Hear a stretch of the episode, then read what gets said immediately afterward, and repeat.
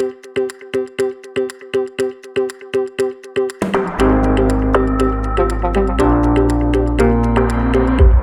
och välkomna till Studio Sossokoms rättsvetenskapliga podd.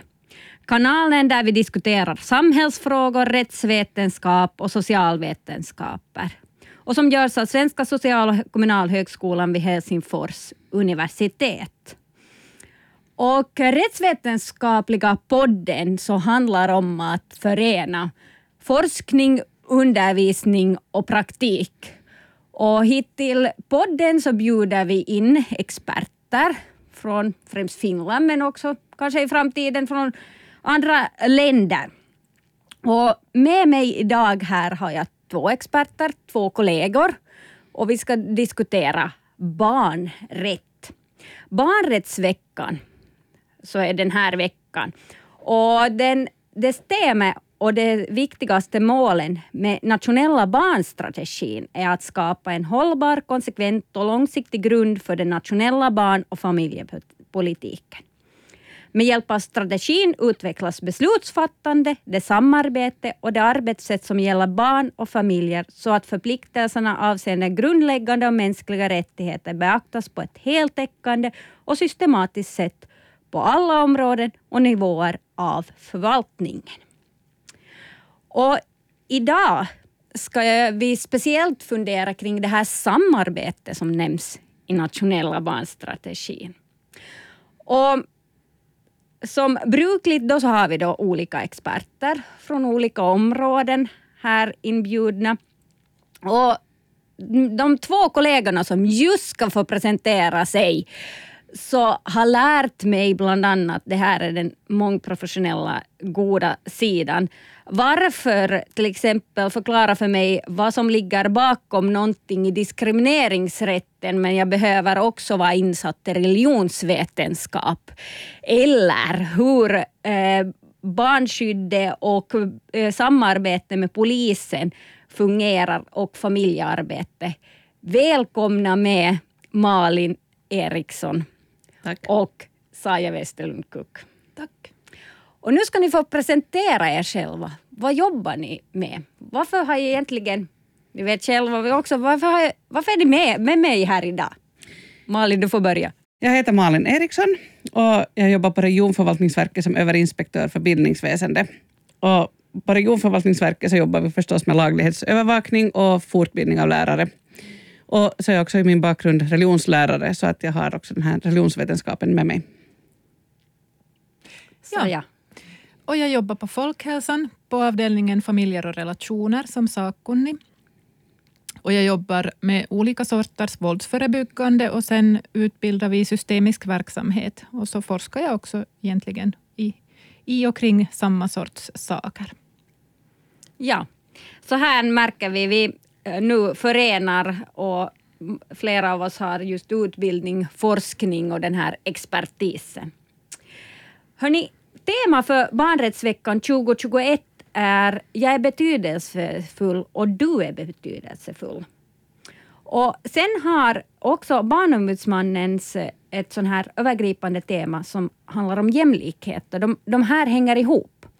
För barnrätten är ju på det sättet att det inte bara är en sektor som det berör, det berör många sektorer. Och de spänner över hela också den här, de går in i varandra. Så det här jämlikhet handlar om betydelse, för att ett barn är betydelsefullt, men också om hörande och hur vi kan stödja olika barn. Och både vår barnkonventionen, grundlagen och vår nationella lagstiftning innehåller bestämmelser om hur barnen har rätt till skydd och särskild omsorg och jämlikhet. Det finns en skyldighet att behandla barnen väl. Det finns ett samband mellan gott bemötande och barnens delaktighet. Barnens erfarenheter behöver tas på allvar och vuxna behöver vara intresserade av barns vardag för att de också på ett naturligt sätt ska kunna berätta om något är fel. Ja, det är ju som vår barnrättsprofessor Suviana Hakalehto säger, att barnens rättigheter förverkligas inte utan att vi vuxna också bidrar till det. Och hörni, enligt en enkät från Centralförbundet för barnskydd så är största delen, 77 procent av 10 till 17-åringarna upplever för, för närvarande att de i regel behandlas väl. Men eh, cirka 5 procent upplever att de inte får ett gott bemötande. Och eh, 18 procent kan inte säga. Och bland annat eh, person, eh, då barn och ungdomar som identifierar sig själva som andra än flickor eller pojkar och upplever oftast att de behandlas olika. Vi har också i THLs elevhälsoenkät som kom ut nu nyligen, som kom ut hösten 2021 så innehåller delvis bekymrande siffror. Speciellt gällande flickor som inte mår bra och det är också en följd säkert av pandemin.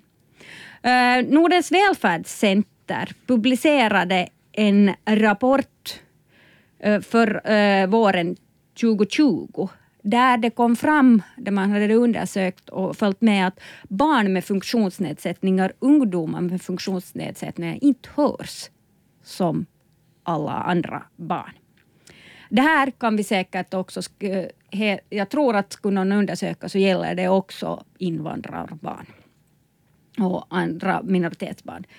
Så de här barnen kanske inte känner sig betydelsefulla medan andra barn är ju betydelsefulla och de ska vara där. Um, och därför behöver vi ha en god behandling om, av barn. På Sosokom har vi, startat vi under våren, pandemivåren 2020, den första svenskspråkiga universitetskursen i barnens rättigheter på svenska i Finland. Det har funnits på finska länge, redan länge och vi har också en professor på finskt håll. Eh, och då samlar vi studerande från olika studieinriktningar, precis som vi gör här i podden också. Och nu Malin och, och Saja, eh, det som jag nu undrar, behövs mera kunskap om barnens rättigheter inom nu tar vi bara inom småbarnspedagogik, skolan, familjearbete och social och hälsovården. Vad tror du Malin? Jag tror ju att man på ett sätt kan om man känner till barn, barnens rättigheter. Man kan delar av dem, man kanske inte kan dem som flytande vatten, men jag tror ändå att man har en ganska sån här ytlig kunskap om dem och man mm. har kanske inte förankrat dem i sig själv. Man vet vad det står, men man vet inte hur man ska omsätta det kanske alltid i praktiken. Mm. Så det, det, tror jag är kanske en sån bit, att man och, och, kanske under utbildningen man aldrig heller har liksom taggat att det här gör vi nu på grund av att det står så här i barnens rättigheter, så man har inte kopplat ihop verksamhet med barnens rättigheter alla gånger, så man kanske inte är så medveten om det. Ja. Är det kanske som mina studerande säger, att, att jag, att när jag har i mina kurser också, att barnens bästa används oftast i sådana här festtal. Och man säger barnets bästa. Och sen säger de att och plötsligt öppnar du upp för oss vad det betyder, hur jag ska tolka det, hur jag ska använda det och de här rättsliga grunden. Att det funderar jag Malin som en följdfråga. Sen tar vi Saja. Att, att, är det kanske det också som man inte man, man känner till att, jo, att det står det här barnens bästa i den här artikeln och vi säger barnens bästa. Men kanske, och så tillämpar man det i en situation egentligen som kommittén säger, att man jobb, kan ibland jobba utifrån strukturer utan för, för vad vi vuxna tycker är barns bästa. Men man har inte riktigt kanske tänkt på den där helheten vad barnens rättigheter är. Och man, har, eller man, man känner sig kanske osäker lite i det. Jag tror kanske att man man, gör, eh, man, man har den inte så i ryggmärgen att man handlar enligt det här, utan mm. man gör vissa saker för att nu ska vi också göra barnen delaktiga i just den här processen. Medan sen kan man handla diametralt åt andra hållet i en annan situation där man liksom glömmer bort, och jag tänker att barnens rättigheter ska synas i de där vardagshandlingarna, mm. vad vi gör i varje situation. Och då kan du inte aktivt tänka på att hur ska jag ta in barnens bästa, utan det måste vara ett sånt övergripande synsätt att det alltid tas in den här barnets barnens syn på saken också. Och där har vi en lång väg att gå. Mm. Ja. Så där är jag. Tack. Mm. Saja, vad, vad, jag, jag, vad upplever du när, eller vad har du mötts av när du jobbar med familjearbete, bland annat din forskning? Jag tänker kanske i liknande banor som Malin, men, men lite ur en annan synvinkel också, att vem pratar vi egentligen om då vi funderar på om vi vet tillräckligt om barnens rättigheter och syns det tillräckligt i vardagen? Alltså har vi, har vi gjort tillräckligt för att barnen är medvetna om sina rättigheter? Um, och där tror jag kanske att det, det, ser väldigt olika ut i till exempel olika skolklasser. Ja. Och som det nu så där klyschaktigt brukar heta, så barnens rättigheter är väl vuxnas ansvar.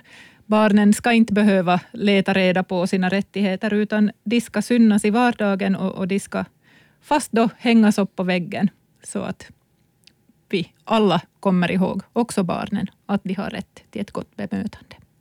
Ja, och det här ingår ju också i åtgärdsprogrammet för nationella barnstrategin. Just det här att man ska lära ut barnens rättigheter i, redan i småbarnspedagogiken, på dagisarna, men också i skolorna. Och där har vi en hel del material som har också utarbetats och, och som också publiceras under barnrättsveckan. Och ja, visst är det så här också. Jag kommer ännu ihåg när min, min fyraåriga son kom hem och, och berättade att skomakarens barn har inga skor, brukar jag säga, och säger att mamma, vi behöver också en, en barnens bestämmardag här hemma. och, och då är det på något sätt, ja, så där ser man ju hur de hade just den här pedagogen, socionomen, hade omsatt det i den där småbarnspedagogiken.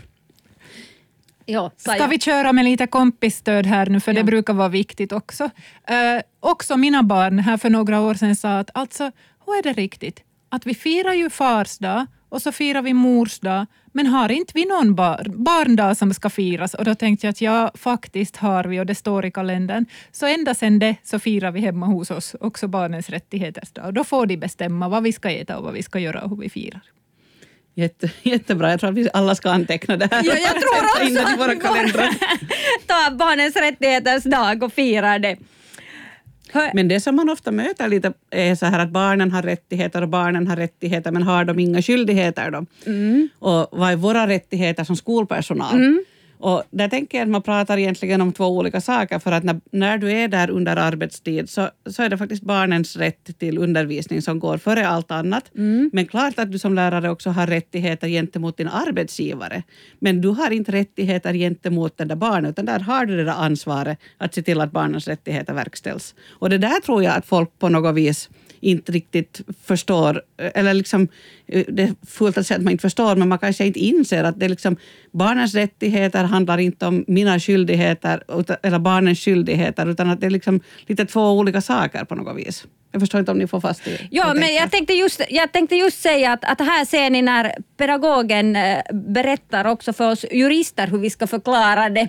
Och, och det här är ju också ett, ett, på något sätt ett gott exempel på just det här mångprofessionella. Och visst är det så. Jurister kan berätta att det är komplext och att det är många olika juridiska områden, men det är all, alldeles riktigt Malin, att det här är säkert någonting som vi borde fundera på och någonting fundera på att hur vi tillsammans kan på något sätt uh, jumpa de här sakerna så de kommer dit i, i ryggraden. Och just hur, ja, mycket bra. Ja, men jag får alltid såna aha-upplevelser. Hörni, jämlikhet mellan barn bör främjas med hjälp av planmässiga åtgärder. Information om skillnader i välfärd och orsaker till den bör samlas in och utnyttjas. Åtgärder bör vidtas för att minska dess skillnader på ett så effektivt sätt som möjligt med respekt för barnens rättigheter. Det här är en av målsättningarna med nationella barnstrategin. Nu har jag lite olika frågor här. Och eh, eftersom vi nu också eh, rör oss också inom det svenska fältet i Finland så vet vi att här finns också skillnader till det finska fältet. Och det här har vi upplevt alla tre av oss när vi, vi, vi jobbar. Men har ni i era organisationer eller ett jobb, eh, vad säger ni skulle behövas för att lyckas med det här?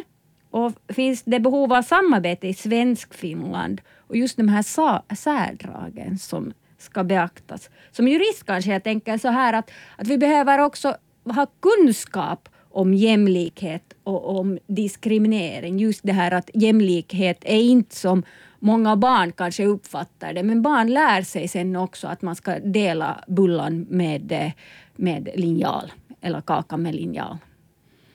Så är det. Jag tänker ju spontant genast på de språkliga rättigheterna, för det, det är ju det som oftast landar på vårt bord. Och då tänker jag på de, de orter där svenskan verkligen är minoritet, eller där finskan verkligen är minoritet. Och jag, jag kommer då från från skärgårdsstaden Pargas som nu är, består av fem forna kommuner och där har vi ju väldigt liten finskspråkig befolkning. Och de finskspråkiga barnen har mycket längre skolväg än de svenskspråkiga barnen. Till exempel i Nagu så finns det just nu ingen skola utan då väljer man Korpo eller Pargas eller sen väljer man då den svenska skolan på den egna orten. Och det där ser ju sen då olika ut. Sen igen, där svenskan är minoritet så är det precis samma förhållande. Så jag tänker att det är inte bara de svenskspråkigas fråga heller det här att det är jämställt. Utan man måste ju fundera som kommun att erbjuder vi invånarna i vår kommun samma sak och inte det blir så lätt att vi finlandssvenskar sitter och jobbar för den svenska minoriteten, men vi ska jobba för alla minoriteter, tänker jag. Ja. Saja, Mm. Och sen har vi ju också andra. Det handlar ju inte bara om att prata man finska eller svenska. Det, det kanske behövs något på teckenspråk eller på något helt annat språk. Och, och det vill vi också ofta glömma bort. Uh, men jag tänker att samtidigt så, så uh, någonstans kanske man tänker att ja, men vi jobbar med, med relationella aspekter och då är det väl kanske ändå inte så viktigt. Och då är det just språket som är verktyget. Att, att sådär spontant kommer jag att tänka på en eh, erfarenhet som, som eh, en kollega delade med sig här nyligen, där en familj äntligen, äntligen fick stödfamilj. Och det behövde de verkligen och, och det såg de verkligen fram emot. Eh, men sen visade det sig att när barnen åkte iväg till stödfamiljen så, så hade de inget gemensamt språk. Och då blir ju frågan att är det här värdefulla stödet, äh, det, bockar man bara av att ja, men nu har vi fixat det? Eller hur upplevs det sen när barnen har eller, eller när föräldern får välja mellan att, att ska jag få pusta ut den här helgen och återhämta mig, då jag samtidigt vet att barnen äh, är hemma hos en familj som visst ställer upp och, och, och det här äh, ger en, en fin stödservice, men de har inget gemensamt språk, så då kanske barnen kommer hem med grym ångest. Ja. Och det här också visar ju på egentligen också barnrättens komplexitet. Vi har det här också grundläggande rättigheter. Vi har rätten till skola, att gå i skola och få, få den här skolan. Så de här finska barnen i ditt exempel Malin, och de här barnen också har rätt till omsorg och, och stöd och vård. Och, och, samtidigt som vi har också en annan grundläggande rättighet och det är språket. Och, och de här finns ju också i barnkonventionen, som de hänger ju samman. Och det här är det som jag tycker är fascinerande med juridiken och det som kan vara svårt ibland för andra professionella eh, som är mera vana att jobba med, med, med scheman och, och tabeller. Så att just att det, det finns inte kanske en lösning på saken, utan det finns många lösningar på saken. Just de här barnen som har längre skolväg men de får det på sitt modersmål. Och det har vi också svenska barn som har längre skolväg. Och just eh, barnen som då kanske får någonting extra med den här stödfamiljen. Men men det är inte lätta saker. Sen kan vi ännu krydda lite med kulturella rättigheter, att få rättigheten till sin egen religion och kultur. Ja. Och det är ju inte heller så att alla barn i samma språkgrupp har samma kultur. Så att här, det är liksom att försöka lägga ett schema där allt det här passar är ju nog en, någonting för en tusenkonstnär. Att det, det är väldigt många pusselbitar. Och då tänker jag när det kommer till kulturen igen, att vi lever i, i Finland där den här gamla kristna traditionen är så genomsyrande att vi inte ens tänker på den. Och så har vi då de här minoritetskulturerna som vars, vars traditioner aldrig stärks annat än i hemmet. Det kan vara bara ena föräldern som representerar till exempel vad ska vi säga, vi har firat halloween här nu, nu ja. börjar den finnas i, i vår kultur också, men, men någon annan religion som du inte är van att fira, eller du, du firar julen en annan tidpunkt och får dina julklappar liksom 13 dagar senare än alla andra när de har kommit tillbaka till skolan. Och när stärker du deras religionstillhörighet? Där är det, det hänger på den där ena föräldern att servera mm. den religionen.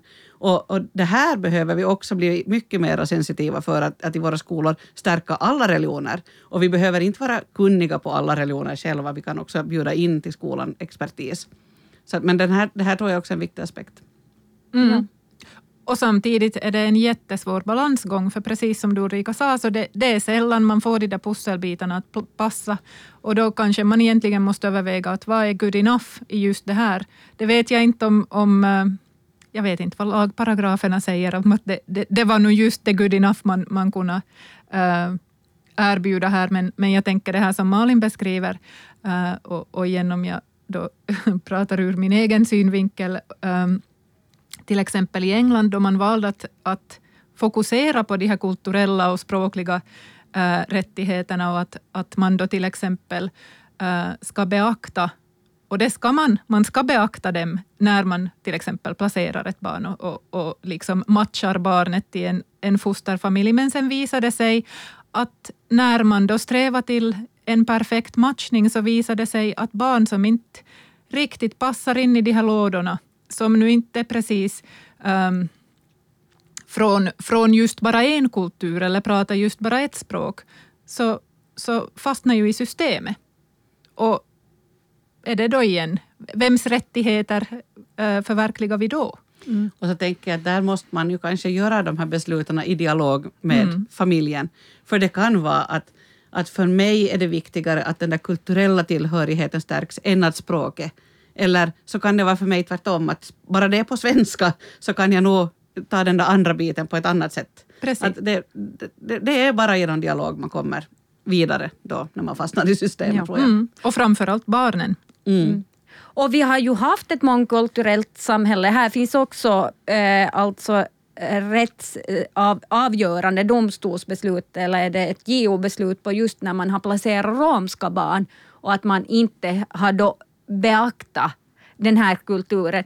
Och så är det ju i barnkonventionen att familjen är väldigt central i barnens rättigheter. Och, och, här ska vi komma ihåg också att, att barnens rättigheter är en internationell konvention där då man tolkar också den här konventionen och där i vissa kulturer är familjen viktigare, mera central än kanske i vår eh, mera västerländska individualiserade.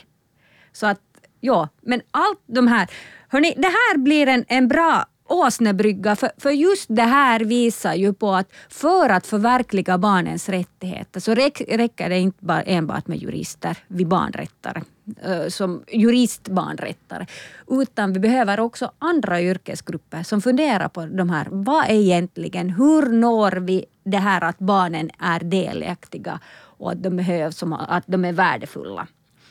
Eh, Samordning, sektorövergripande arbete och samarbete mellan olika aktörer går som en röd tråd genom den nationella barnstrategin. Något som också stöds av barnkonventionen, barnrättskommitténs allmänna kommentarer och också av vår nationella lagstiftning. Och projekt och rapporter så finns just till grund för att det här. Och då har vi barnrättskommitténs allmänna kommentar som faktiskt säger det att det finns, behövs en tvärsektoriell samordning för att erkänna och förverkliga barnets rättigheter. Och det har man tagit fasta på i den här nationella barnstrategin. Och speciellt gällande utsatta barn. Vi kom lite in på det också nu, att, att det är utsatta barn. Och man behöver på ett övergripande sätt eh, då beakta det i det förebyggande arbetet. Och eh, man behöver då jobba utifrån ett yrkesövergripande sätt. Och här har man bland annat tagit in det här att vi behöver mer sammankoppla bildningstjänster. Och hit räknar jag också småbarnspedagogiken och social och hälsovårdstjänster för att kunna samarbeta kring det här. Och eh, vi har börjat med att utveckla familjecenter. Det är, det är en del i den här utvecklingen där man samlar i en del kommuner så har man placerat de här familjecentren, service för barn och familjer just inom småbarnspedagogiken eller skolan.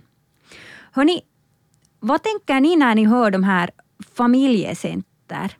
Är det en bra start? Och kommer det att räcka? Saja, nu får du börja.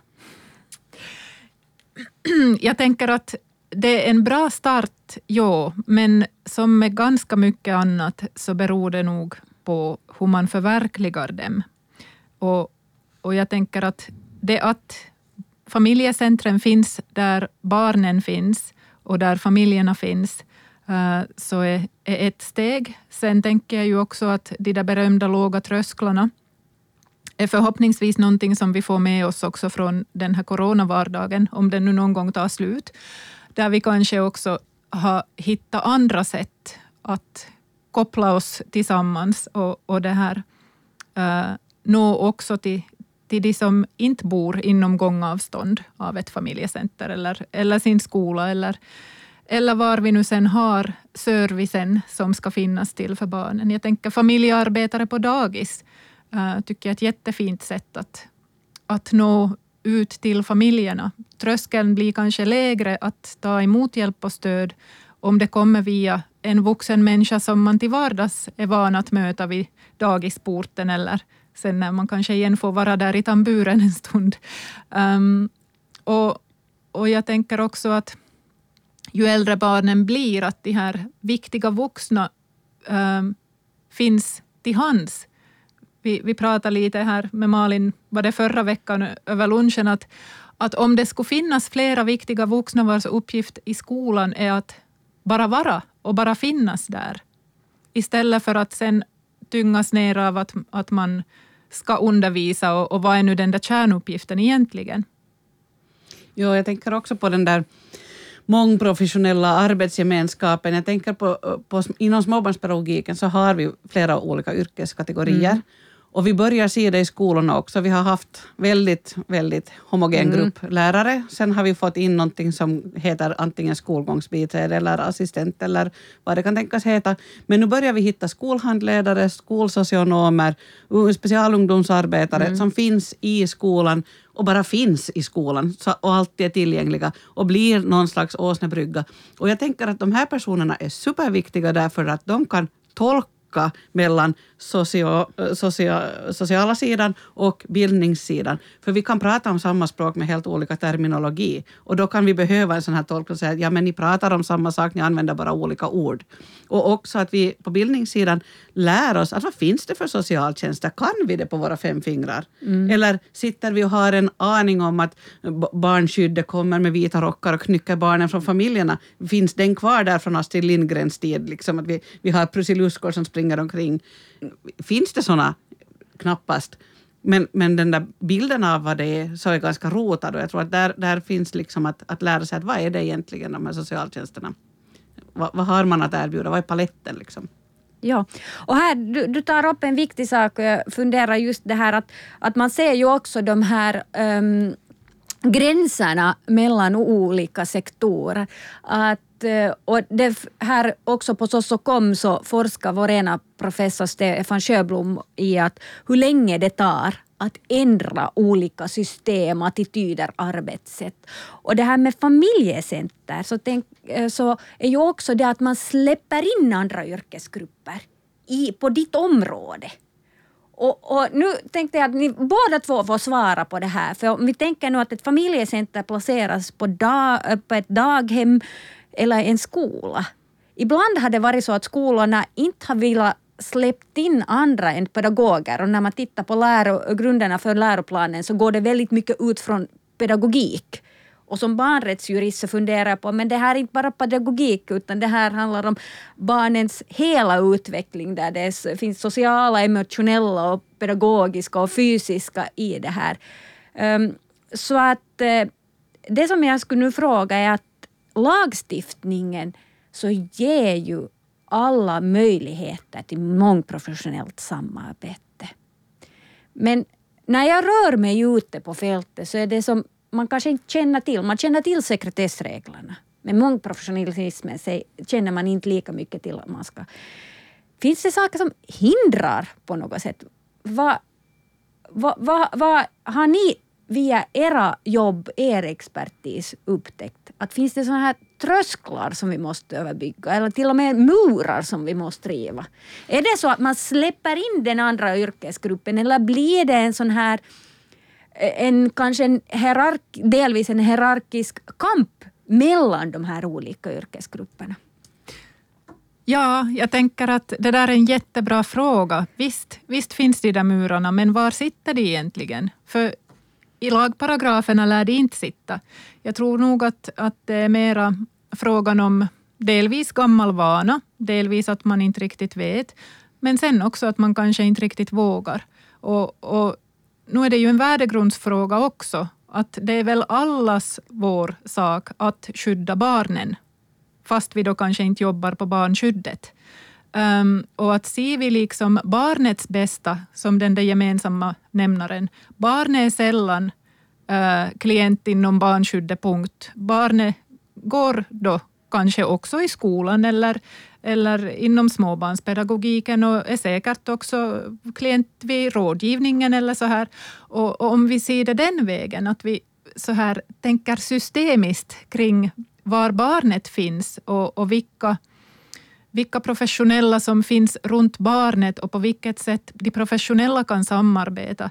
Att, att jag tror att vi är lite på väg ditåt då man nu åtminstone börjar fundera att vi ska undvika sån här uh, dubbelklientskap. Att, att, men att då kanske jag, jag tror att vi ändå lite mera tänker på uh, resursanvändningen ur, ur liksom tjänstemannaperspektiv, att så nu inte Malin ger samma sak i, där i, i sitt hörn som jag sysslar med här, så, så sparar vi varandras tid. Vi ska väl spara barnets och familjens eh, tid och väntetid. Mm, och nu känns det som att jag har tappat frågan. Men jag tänker också där när, just det här när du pratar om rädsla för att liksom inte klara av den där tystnadsplikten och sekretessen. Och GDPR blev ett jättemonster mm. som egentligen handlar om att ha register på folk. Det handlar ja. inte om någonting annat än det. Och, och, där, där är man jätterädd. Och sen, sen upplever jag som skolmänniska att det är skillnad på tystnadsplikt och tystnadsplikt. Och det här måste ju vara ett kulturarv jag bär med mig. Att socialen mm. har nog lite mer tystnadsplikt än jag. Och så är det ju inte. Tystnadsplikt är tystnadsplikt och, och så är det så. Men min juristkollega Thomas Sundell brukar säga att ibland borde man lära ut att man får dela information. Att vi har väldigt mycket betonat att det är sen tystnadsplikt och det är sekretess och den här informationen får man inte dela vidare. Men det finns information du ska dela dela vidare. Och sen skulle man gärna som lärare då ha en lista på vilka dokument ska jag skicka vidare om ett barn ska flytta till en annan kommun. Men det kan vi inte ge, för vi behöver ge den nödvändiga informationen. Och det kan du som lärare endast fundera att om jag skulle få det här barnet så nytt, vilken information skulle jag behöva för att kunna bygga upp dens undervisning? Och då sitter du med svaret själv. Ja. Och sen igen tvärtom, att, att vad behöver en lärare för information från till exempel barnskyddet mm som gynnar barnets skolgång. Det har du svårt att veta själv då du inte vet vad du ska fråga efter. Och, och där, där till exempel har vi pratat förr om den här kaliforniska um, Handle with care-systemet. Att tänk om vi någon gång skulle komma dit i Finland. Att, att om det har hänt någonting hemma man kanske inte kan eller ska berätta precis vad som har hänt, men att man från socialen eller polisen kan sätta in ett litet meddelande till skolan där det helt enkelt bara står ”handle with care”. Och då vet du att när Pelle kommer till skolan idag så, så syns där ”handle with care”. Du behöver inte veta precis vad det är, men om den där matteboken nu då är hemma eller, eller eh, simbyxorna inte kom med, så, så kanske du bemöter Pelle på ett lite annat sätt. Och, och, nu menar jag inte att lärare överlag inte skulle vara tillräckligt sensitiva, utan helt enkelt för att man inte kan veta det man inte vet. Och sen kan man som lärare inte heller veta vad jag ska fråga efter för information, för jag, jag vet inte. Jag, vet, jag har personligen suttit i ett möte tillsammans med socialarbetare där de har frågat skolan att har ni märkt något speciellt med det här barnet? Har vitsorden gått ner? Barnet mm. i skolan? Och vi sitter och säger nej, vi vet ingenting. Och vi, vi vi vet inte ännu denna dag, vet inte jag varför jag satt på det mötet. Vad hade hänt barnet? Vad fanns det bakom? Och inte behöver jag på detaljnivå veta, men jag skulle kanske behöva en, en liten hint. Att, att, att vad, vad, vad, är det liksom, vad är det jag ska hålla ögonen på för att hjälpa barnet i fortsättningen? Ja, och jag håller fullständigt med, med, med vår gemensamma kollega Thomas Sundell att vi behöver också, vi, ibland så också i mina tidigare expertuppgifter så märker jag ibland så gömmer man sig kanske bakom sekretessreglerna. Och det som förvånar mig kanske med, med, med småbarnspedagogiklagen, vår nya, det är att, att man de här gamla sekretessreglerna, för visst är det så att inom socialvården så är de strängare, snävare vad du får berätta än inom skolvärlden. Så är det. Att du får berätta mera inom skolvärlden än du får inom socialvården. Men det hänger kvar. Så det hänger kvar till exempel bara det att du får inte berätta om vilka barn som finns där i en grupp. Och det stämmer ju inte längre. Medan sen det mångprofessionella, just det här samarbetet med kanske socialvården, funktionshinderservicen, familjearbete, den försvann på något sätt. För att, att det var just det här eh, den här morran som man känner eh, med, med den här sekretessen och, och, och tystnadsplikten. Och då kommer vi in på, på en sådan sak som att, att eh, det finns ju mycket pratar vi om barnskydd och hur skolan ska jobba tillsammans med barnskydd. Men det finns ju mera lågtröskelverksamheter som man har försökt via familjearbete också och familjecentren där man kan anmäla tillsammans med familjen. Att tror ni på något sätt det här skulle vara ett sätt att också utöka det här mångprofessionella och också delvis och, eh, eh åtgärda just den här känslan av att man har för mycket jobb. Och det är inte bara en känsla utan det är ett faktum att man är överarbetade, både inom socialvården, skolvärlden och man, man, vet inte riktigt, man har inte arbetsredskap. Så delvis det att, att man har förståelse för att det finns olika processer. Man tänker olika som du sa Malin, jag har också studerat tvärvetenskap, vi pratar olika språk. Så att, att på något sätt, och just det här att man kan kontakta socialvården, det behöver inte gå så långt som till en barnskyddsanmälan. Ja, och sen tänker jag att bara att använda ordet oro. Det, det visar att man värnar om det här barnet. Nu är jag som lärare orolig om jag mm. kontaktar en familj. Och inte liksom gå omkring och tänka att nu ska jag anmäla någon någonstans. Utan kanske den där föräldern också går med den där oron. Det är kanske är en gemensam oro. Och då kan man sen då kontakta tillsammans och få det där stödet som det barn, äh, den familjen behöver. Och jag tänker också att, att äh, lärare är väldigt bra på att sträcka sig väldigt långt. Och att det skulle behöva finnas en sån där äh, klar det är också svårt att göra en klar men en sån att när tar mitt ansvar slut och när tar någon annan vid? Och sen läser vi om, om barnskyddet som är överbelastat och så vill vi inte belasta ytterligare ifall det är onödigt. Men det är inte min roll som lärare att fundera att är det här onödigt. Det tar nog en annan instans sen fast, fast vid. Sen kan man ha en viss frustration som lärare att händer det något i andra änden och får vi liksom feedback på att nu har vi jobbat vidare med barnet och, och, eller ska jag anmäla på nytt och ska jag anmäla på nytt? Att, här finns nog, tycker jag, en osäkerhet. Men barnskyddet har ju en skyldighet, eller socialen har en skyld, eh, skyldighet att ta tag i ett ärende efter en viss tid. Och det måste vi bara lita på att så är det. Ja, och sen barnskyddet kanske sitt, eh, så upplever att skolan sitter och pantar, som de säger, för mycket på de här. Att det kan räcka ett år av skolfrånvaro och först då anmäler man. Mm. Men, men där är det säkert också det som du var inne på och, och Malin också, att, att man drar sig i det sista och man, man, kanske, man kanske sitter och väntar på att no, är jag nu ännu nästa vecka orolig, så då kanske då kanske den där tröskeln är nådd och då, då, då anmäler jag. Och så Men, går det bättre en tid ja. och så går det barkar det igen. Men där tänker jag att det klingar ju också helt annorlunda att om vi skulle utreda servicebehovet tillsammans. Och, och du är en, en bekant människa och, och, och dig, dig är jag van att prata med, så, så vi kanske kan sätta oss ner och titta att skulle den här familjen, skulle det här barnet gynnas av extra stöd?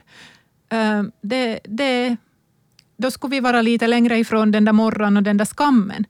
Samtidigt så måste vi också komma ihåg att um, att jag tror där det också blir knepigt, så är att på, inom småbarnspedagogiken och i skolan så, så sätter man ner väldigt mycket tid och möda och energi och det ska man på det här samarbetet i hemmen. Och då har man byggt upp de där relationerna då och, och lyckats få en tillitsfull relation under flera års tid och då kanske det kan kännas som ett svek. Att ska jag nu då sen anmäla? Mm, och, och delvis tror jag att, att vi har ganska mycket jobb kvar att, att få den här liksom, uh, morgonbilden att, att bli något annat. Att det är inte ett stämpel på uh, att nu är det officiellt konstaterat att det faktiskt går jättedåligt hemma hos er eller oss, uh, utan att det, det är så att man har rätt till stöd. Men det är också viktigt att komma ihåg att om det misstänks våld, sexuellt eller fysiskt, så då, har man inte, då ska man inte sitta där och vänta om den där oron ännu finns kvar nästa vecka, utan då är det polisens sak. Och då är det inte heller någonting som man ska varken överväga själv, utan då ska det anmälas både till barnskyddet och polisen. Men då är det inte heller någonting som man gör tillsammans med föräldrarna, utan, utan då, de gångerna så, så ska inte föräldrarna... Eh, det, det, ska inte föras en, en öppen dialog med föräldrarna att nu, nu är det så här, att så här har jag tänkt göra. Och, och det är helt förståeligt att det känns tungt och jobbigt, men samtidigt är det ju för att skydda barnet som det är viktigt. Ja. Vi har tagit upp många aspekter här idag och det här då barnrättsveckans tema är ju att jag är betydelsefull, du är betydelsefull. Och här slår det mig för att vi ska lyckas då med barnens rättigheter så är det vi vuxnas ansvar att vi känner till dem. Men det är också viktigt att barnen själva känner till sina rättigheter. Och att barnen, som ni säger här nu, har något tryggt och någon som de känner sig trygg med om de behöver berätta det och någon som familjen också känner sig trygg med. Att, när, att be om hjälp och att det inte är en skam att be om hjälp när man behöver det. Och så också att vi ska vara lyhörda. Mångprofessionalism handlar ju just om det också som vi sitter och gör här idag. Sitter och lyssnar på andras expertis, funderar hur vi kan använda vår egen expertis, hur vi kan bidra till det här samarbetet. Och eh, sådär avslutningsvis så tänkte jag fråga er att eh, den här, i och med att vi fått en nationell barnstrategi, samarbete, mångprofessionalism är en röd tråd. Är det här någonting som vi kan använda i en positiv bemärkelse också för att barn, familjer ska må bättre, men också personalen, när vi slår ihop våra kloka huvuden. Jag, jag tänker, du sa det så bra just är det inte så att den där hashtaggen jag är betydelsefull, du är betydelsefull, den funkar ju lika bra inom mångprofessionellt samarbete. Att det handlar inte om att vem är det som bestämmer här och vem är det som vet mest här, utan att vi tänker högt och så tänker vi färdigt tillsammans. Det tror jag också. Så har vi ju olika mandat att gå vidare inom våra egna organisationer när vi jobbar kring ett barn. Att jag kanske ser att här finns det här behovet men jag har inte mandat att att föra ärendet vidare där och då behöver, behöver vi ju de människor på plats som har det mandatet. Och framför allt de här nätverksmötena där den här familjen inte behöver traggla sin livshistoria för olika människor varje gång från ruta ett, utan att du möts kring det där barnet, alla känner till problematiken och du kan faktiskt fokusera på härifrån framåt och inte detta har hänt. Ja, det är inte någonting bort från Sajas familjearbetarexpertis eller Malins pedagogexpertis eller min juristexpertis. Att någon annan också bidrar till det här mångprofessionella. Mm. Det hotar inte oss på något sätt, utan vi är tillsammans starka. Hörni, tack för en intressant diskussion och, och eh, vi jobbar tillsammans för barnens rättigheter.